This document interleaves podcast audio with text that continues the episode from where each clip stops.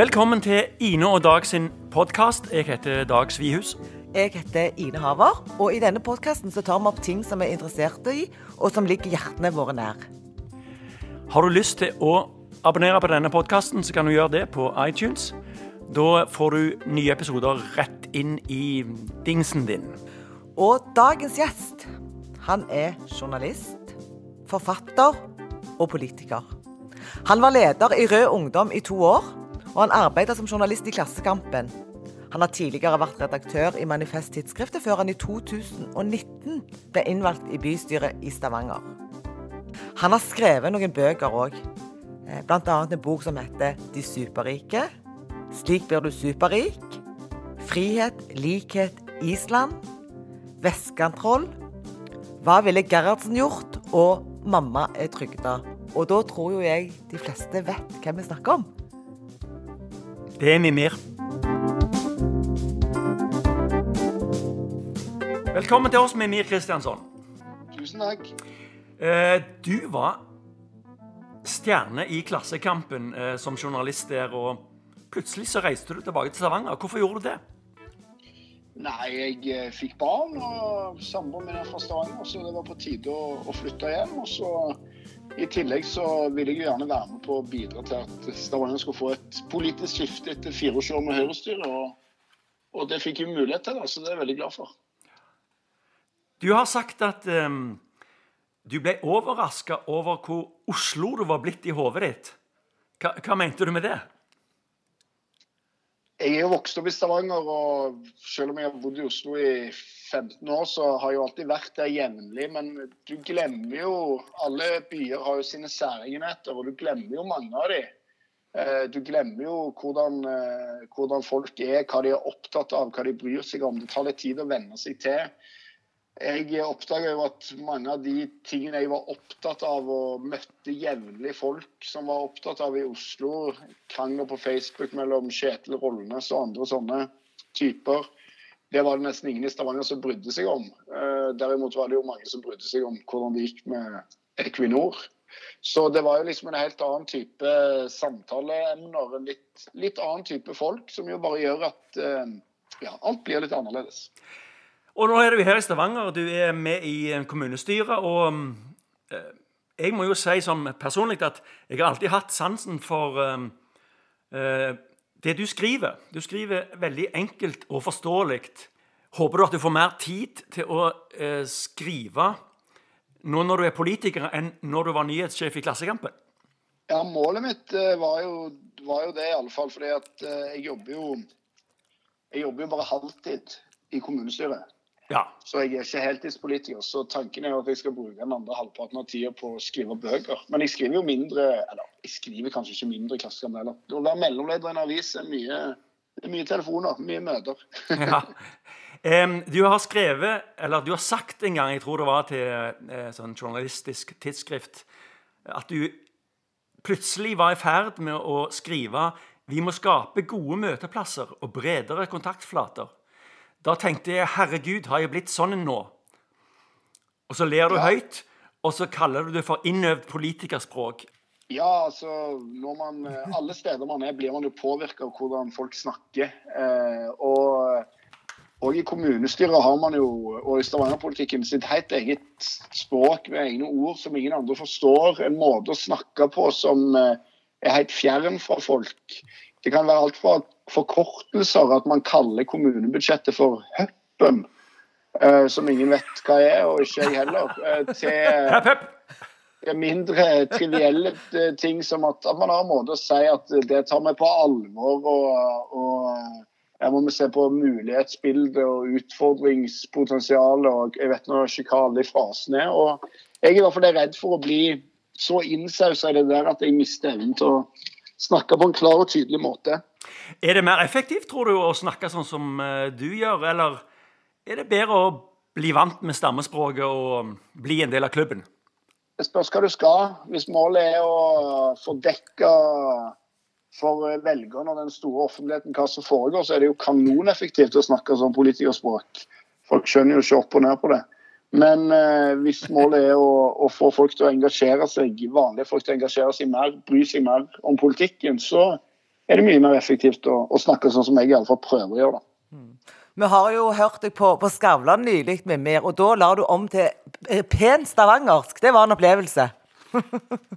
Ja, de svenskene skjønner jo, skjønner jo dialekter, så det var jo bare om å gjøre å finne fram Jeg er fra Stokka Eiganes, så det var jo bare å finne fram eh, gamle takter derfor. Ja, ja, det klarte Ja, du vi kan sånn her. På Stokka kan vi sånn. Ja. Men du, eh, aldri før har det vært så mange personer på dagpenger som nå. Eh, jeg tror det er 291 000. Ja, I går var det 291. Det er sikkert 300 000 i dag. Hva tenker vi om det? Nå er hele Norge på Nav. Ja, det er ekstremt dramatisk og veldig forferdelig situasjon eh, for veldig mange.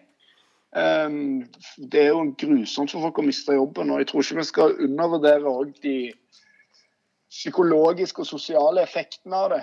Eh, en ting er at du, du går ned i lønn. Det er alvorlig nok for mange, det, Også, særlig de som har dårlig lønn fra før. Men i tillegg så mister du jo en god del verdighet, selvfølelse. Du kobles av fra verden i det hele tatt. Og, og nå eh, er litt av, eh, av eh, situasjonen den at veldig mange som ellers aldri kunne tenke seg å, å havne på Nav, eller aldri hadde tenkt at de skulle havne på Nav, havner på Nav. Og hvis det kommer en positiv ting ut av det, så får vi jo håpe at de i alle fall også da forstår at de som var på Nav fra før, kanskje heller ikke var der eh, frivillig, da, for å si det på den måten. Ja, for, for det som jeg tenker er, Nå skal ikke vi snakke om eh, den boka 'Mamma trygda' som du har skrevet, men, men der har- er du jo inne på mange av disse tingene. Men, men det som kanskje er forskjellen nå, som gjør at kanskje folk ikke vil stigmatisere Nav på samme måte nå i etterkant, det er at det er så mange. Ikke sant? Det er ikke bare, altså det er enorme mengder som må gå på Nav. Det være flere i samme båt. Så jeg tror, jeg tror jo at det kan eh, spille inn en rolle på, på synet, som gjør at vi faktisk vil komme ut av denne krisen, og der Nav vil eh, bli sett på på en annen måte. Ja, altså For det første må jeg bare understreke noe. Det er jo helt forferdelig at flere folk er på Nav. Det er jo ikke noe å glede seg over. og Det er egentlig veldig få lyspunkter i det. Generelt så, så jeg skulle gjerne sett at, at alle de flere hundre tusen bare var i jobb ennå. Altså. Men det er klart at vi har hatt noen inngrodde fordommer i Norge mot folk som eh, har mottatt ytelser fra Nav. At de er late, at de har vondt i viljen, så å si. At de det skal i hvert fall aldri skje med meg, for jeg er hardtarbeidende. Men nå oppdager jo mange at når det er dårlige tider og ikke jobb å få, så, så spiller det ingen rolle hvor hardtarbeidende du har lyst til å være. Eh, og da tror jeg kanskje en, det òg kan forhåpentligvis være en, en vekker eh, med tanke på de som f.eks. er på Nav fordi de de er syke. At Nav er ikke et sted folk drar fordi de, de har eh, lyst eller for gøy.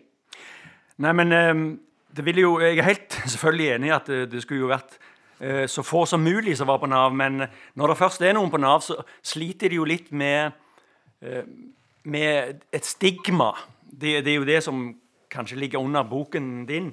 Og i, i dag så sto det en eh, artikkel i Aftenbladet hvor eh, de hadde intervjua en fyr som jobba som flyvert i SAS. Som hadde gått over til å jobbe på Rema 1000 på, på 24 timer. Han skifta jobb.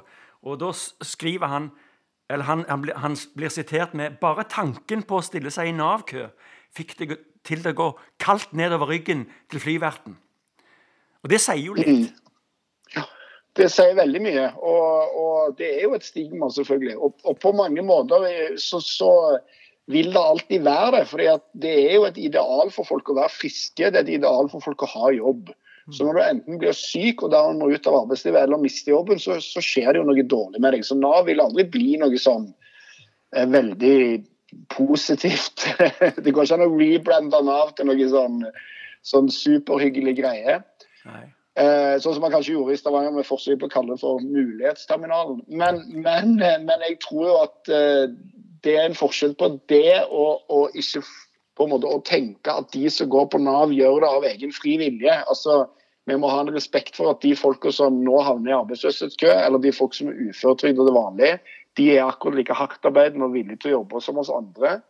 Eh, Men er, dessverre så er det ikke arbeid til dem, eller de har ikke mulighet til å jobbe fordi de er syke. Så Det er jo den endringen vi må gjøre. Så Vi må bort med skammen over å gå på Nav. Og så tror jeg ingen vil noensinne vil se på det som noen stor fest og, og måtte gå ut av arbeidslivet. Men, eh, men eh, vi må i hvert fall ikke påføre skam på de som, som nå stiller seg i arbeidsløshetskøen, i tillegg til at de mister jobben. Nei, og jeg, jeg syns jo det at vi skal jo være glade for det at vi faktisk har Nav i Norge. Når vi faktisk er kommet i en sånn situasjon som vi har gjort. Og så jeg, leste jeg jo om han her eh, flyverten som på én dag begynte å jobbe i butikk. Og da er det jo litt sånn at eh, hva med de som jobber i butikk? Jobber, kjører taxi, altså jobber på lager. Helse. Helse. Som vi egentlig ikke har verdsatt så mye eh, tidligere. Eller vi har verdsatt de, men de er iallfall lavlønna. Hva skjer etterpå nå, tror du? Tror du vi får et lønnsopp? Tror du vi, hele samfunnet vil si OK, du er så viktig for samfunnet at nå skal vi øke lønnen deres betraktelig? Jeg, eh, det avhenger helt av hvilke krefter som vinner fram i kriser. For krisetider er, er tider hvor veldig mye rører på seg. Det er ikke mer enn noen dager siden et nesten samla storting var villig til å gå inn for en utrolig vidtgripende unntakslov som egentlig ville satt mye av det norske demokratiet til side i koronakrisa. Det ble jo endra etter press utenfra. Eh, I andre situasjoner så har vi jo plutselig fått en eh, utvidelse av eh, permitteringsbetalingene.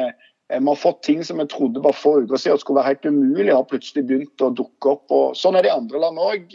EU e bryter sine eh, prinsipper om å ikke gi ut statsstøtte, land fjerner disse karensdagene på sykepengene. altså Veldig mange sånne dogmer som faller. da.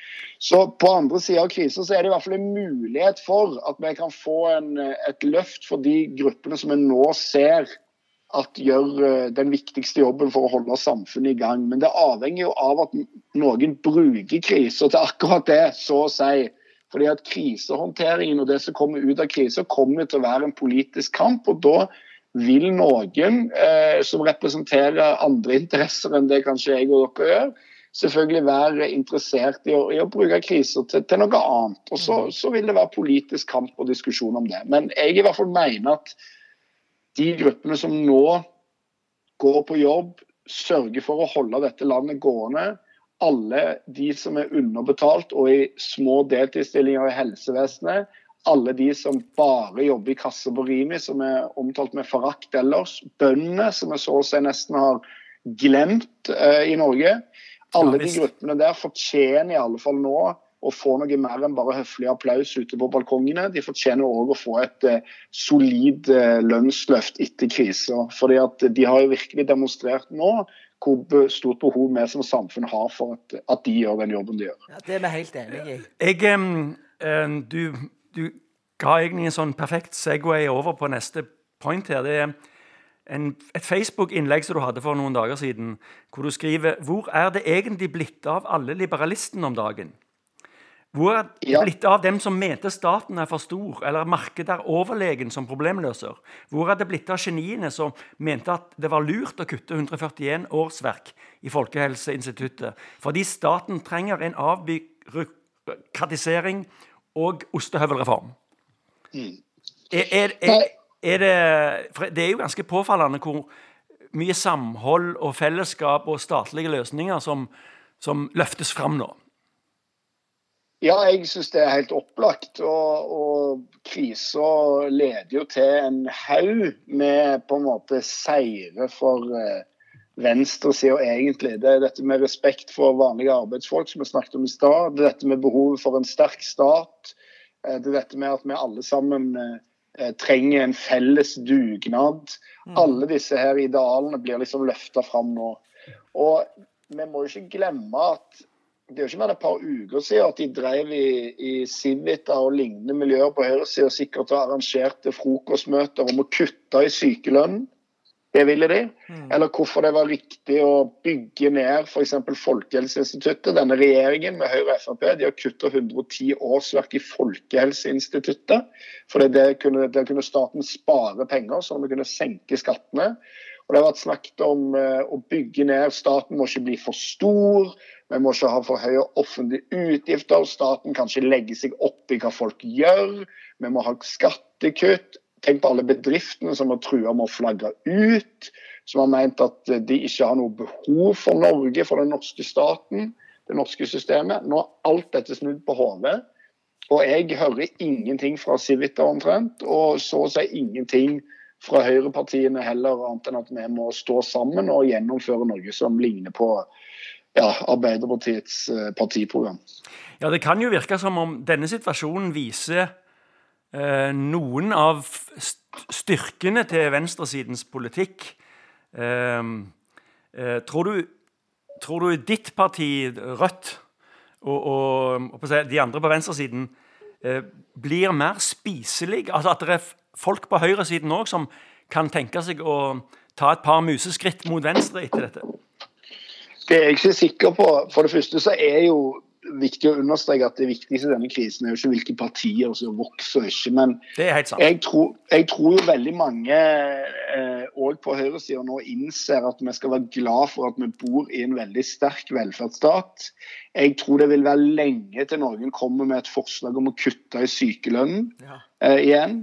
Jeg tror det blir vanskelig å fortsette å kutte i Folkehelseinstituttet etter dette. Eh, og jeg tror det går en liten stund før de norske bedriftene som nå får kriselån og krisehjelp, eh, truer med å flagge ut neste gang. Men disse folka eh, på høyresida, og kanskje særlig kapitaleierne, de er jo ikke sanne heller. da, for Det gikk jo ikke så lang tid etter finanskrisen før alt var tilbake ved vante. Og man drev med bonuser og hedgefond og holdt på og spekulerte for full liv og lyst. Så det er godt mulig at det ikke skjer så store endringer, men det er i hvert fall en mulighet for en stor opinionsendring nå, da, tror jeg. Det kan jo være at, uh, at det vil skje. Ja, og, og, vi har jo snakket med, med flere, eh, og de fleste sier jo det vi håper, men historien viser at ting blir fort glemt. Glemselskurven er veldig bratt, altså. Eh, men, men, jeg tror allikevel at dette er så inngripende. Verden har ikke sett magen til noe lignende som denne pandemien så lenge i historien. Så jeg, jeg tror på at det vil eh, skje endringer, og jeg tenker at det er viktig for oss som tror på det gode velferdssamfunnet, å virkelig stå på barrikadene både nå og etterpå. Ja, eh, ja jeg tror, tror jeg det. Og jeg tror òg at veldig mange folk nå ser at vi skal være glade for det vi har bygd opp i Norge. Eh, og at vi har et tillitssamfunn og at vi har et sterkt velferdssamfunn. Så jeg tror at etter denne krisa så, så, vil det være større opinion for å bygge ut velferdstjenestene, i stedet for å bygge de ned, sånn som vi jo faktisk har gjort de siste årene. Ok, Mimir, bare for å runde av litt her, så, så er du jo en pensjonert journalist. Eh, merker du at din erfaring fra pressen er en fordel i, i ditt eget møte med journalister og media? Har du noen gode historier? Ja. Både ja og nei. uh, jo da, det er en fordel. Altså, for det første er det jo en, en åpenbar fordel å kjenne journalister. Uh, det skal man virkelig ikke underslå. Uh, for det andre så skjønner man jo mer av hvordan en journalist og en redaksjon tenker. og Det gjør det kanskje lettere å, å identifisere hva som er en sak, eller å, å, lage på en måte et utspill som passer til de kriteriene. Men så er det jo også sånn at hvis man tenker for mye som en journalist, så blir man jo òg litt sånn eh, holdt på å si, kommenterende. Eh, man, eh, man, man på en måte ser seg sjøl litt for mye utenfra. Man klarer kanskje ikke på samme måte som som andre politikere og, og, og eh, på en måte Ja, jeg vet ikke. Eh, man, ha en man mening? Man litt eh, politikken sin ut fra journalistiske kriterier òg. ja. Ja, du, og så En sånn siste ting sånn helt på tampen. Går, du er jo med i Farmen disse, disse dager. vet du, Så sier jeg til Dag nå må vi prøve å lokke ut av han om han vant Farmen. Men det tror ikke jeg at vi klarer å få ut av han, få ut av deg i dag. Nei, det, det, har jeg ikke lov å si, for å si det på den måten. Men, kan, men, uh, ja, men du, kanskje det blir Rødt-politikeren og storbonden Mimir Kristiansson framover? Hvem vet?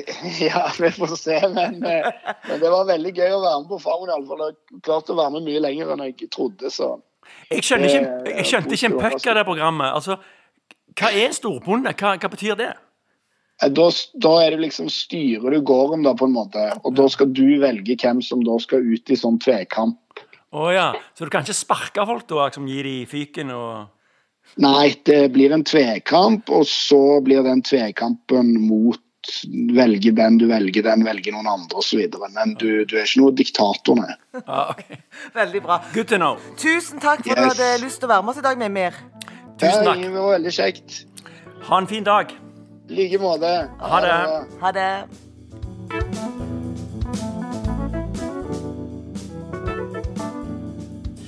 Har du lyst til å bli storbonde, Ine? Det er klart jeg har lyst til å bli storbonde. Det er min neste karriere, det. Rett ut på gården og melke kyr. Tror du jeg hadde gjort meg klart meg bra? Jeg tror du hadde klart deg helt fantastisk. Um, um, ser du forresten Ser du på Farmen? Ja, jeg følger med litt. Ja, det gjør jeg. Jeg prøvde å se en episode jeg bare pga. Uh, Mimir var med, men det var vel kanskje ikke akkurat midt i blinken for meg.